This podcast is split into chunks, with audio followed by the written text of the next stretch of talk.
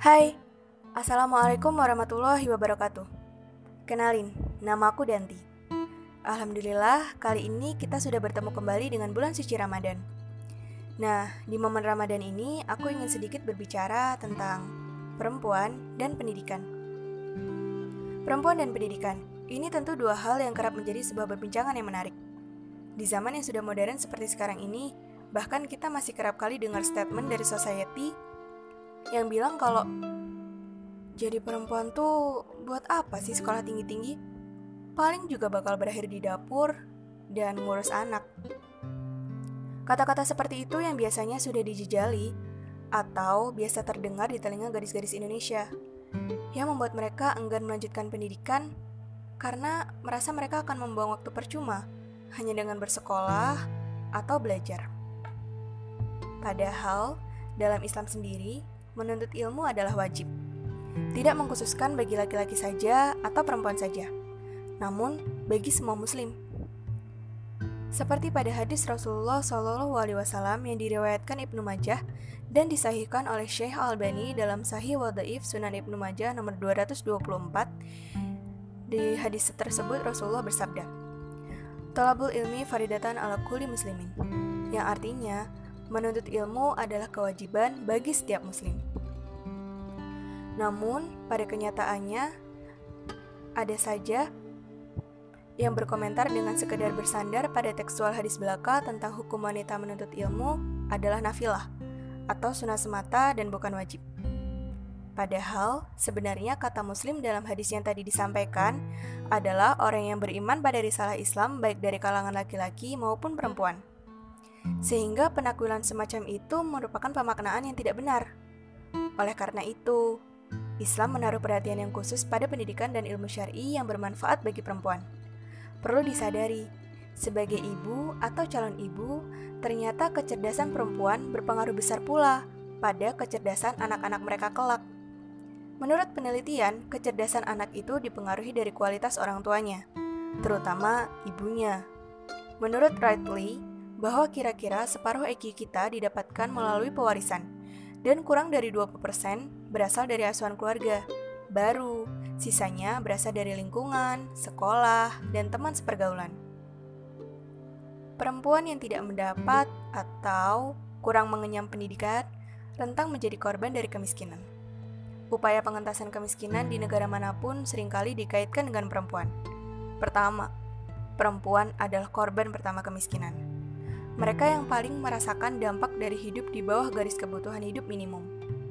Jika Mahatma Gandhi yang mengatakan kemiskinan adalah kekerasan dalam bentuk paling buruk, maka ini adalah kekerasan terburuk bagi perempuan. Meski menjadi korban pertama, tetapi berbagai penelitian menunjukkan peran perempuan yang lebih besar dibanding laki-laki dalam mengurangi kemiskinan. Berbagai riset di negara maju dunia menyatakan bahwa yang membuat satu negara maju adalah tingginya partisipasi angkatan kerja perempuan di negara tersebut. Saat perempuan memiliki akses terhadap uang, mereka akan cenderung akan mengelolanya demi kesejahteraan dan kesehatan keluarga.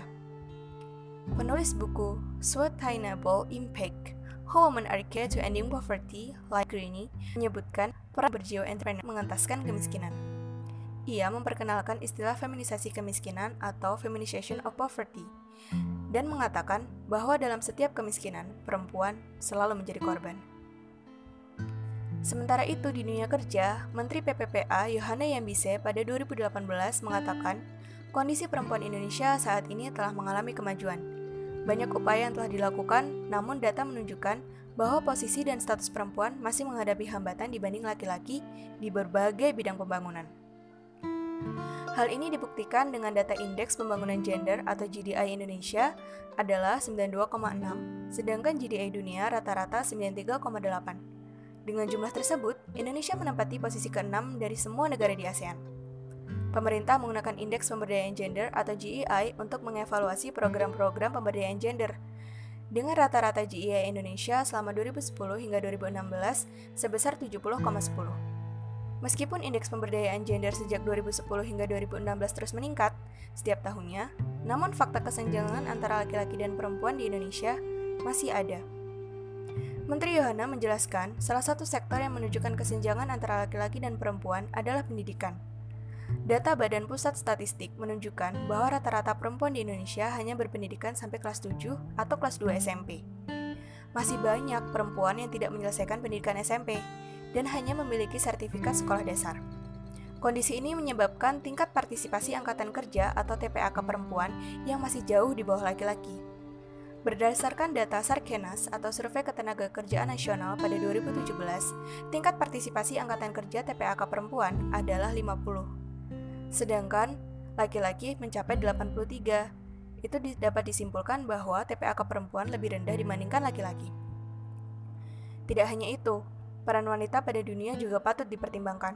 Contohnya, peran wanita dalam perekonomian dunia. Keterlibatan perempuan dinilai cukup penting dalam peningkatan perekonomian negara, Peran perempuan sangat potensial dalam mengembangkan ilmu industri pengetahuan, teknologi, rekayasa, dan matematika atau STEM, Science, Technology, Engineering, and Mathematics. Saat ini, keterlibatan perempuan dalam industri tersebut masih jarang. Padahal, jumlah mahasiswa perempuan yang menggeluti bidang STEM tidak sedikit, Menurut laporan yang dirilis UNESCO pada 2015, terdapat pelajar perempuan di bidang farmasi sebanyak 88%, biologi 80,7%, kedokteran 73%, kimia 66,8%, matematika 57,7%, dan fisika 38,9%. Menurut Indonesia Country Manager in Investing in Women mengatakan keterlibatan peran perempuan juga secara tidak langsung berpotensi meningkatkan perekonomian negara. Pendidikan pada perempuan juga berguna untuk tameng bagi si perempuan itu sendiri dari bahaya besar yang menghantui perempuan yaitu sexual harassment. Apalagi setelah banyaknya kasus kekerasan seksual terhadap mostly perempuan, anak kecil, dan penyandang disabilitas yang gak langsung diusut tuntas oleh pihak berwajib.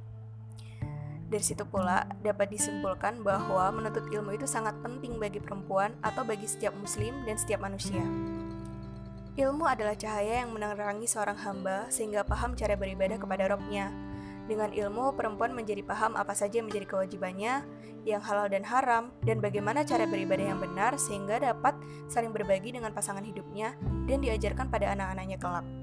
Sehingga senantiasa hidup dalam petunjuk dan jalan yang lurus.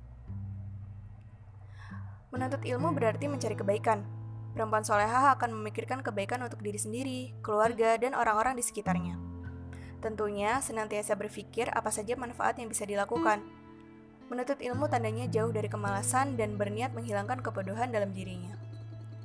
Menuntut ilmu juga bertanda takwa kepada Allah Subhanahu wa taala dan melaksanakan perintahnya, mendapatkan pahalanya dan selamat dari azabnya. Seperti sabda Rasulullah SAW, yaitu Mintalah ilmu yang bermanfaat dan berlindunglah kepadanya dari ilmu yang tidak bermanfaat. Hadis riwayat Ibnu Majah nomor 3843. Dalam menuntut ilmu, perempuan harus sungguh-sungguh dan memiliki semangat yang tinggi, dan doa untuk meraih keridhaan Allah. Berusaha dan berdoa dalam menuntut ilmu agar dimudahkan jalannya dan ilmunya tidak sia-sia.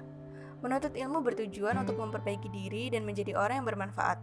Bukan hanya bertujuan untuk duniawi saja, misalnya menuntut ilmu semata-mata hanya untuk mengejar status sosial dan uang.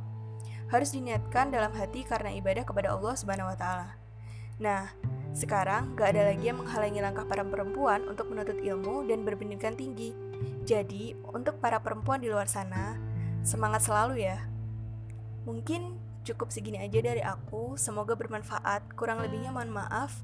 Bila bisa bilal haq fastabiqul khairat. Wassalamualaikum warahmatullahi wabarakatuh.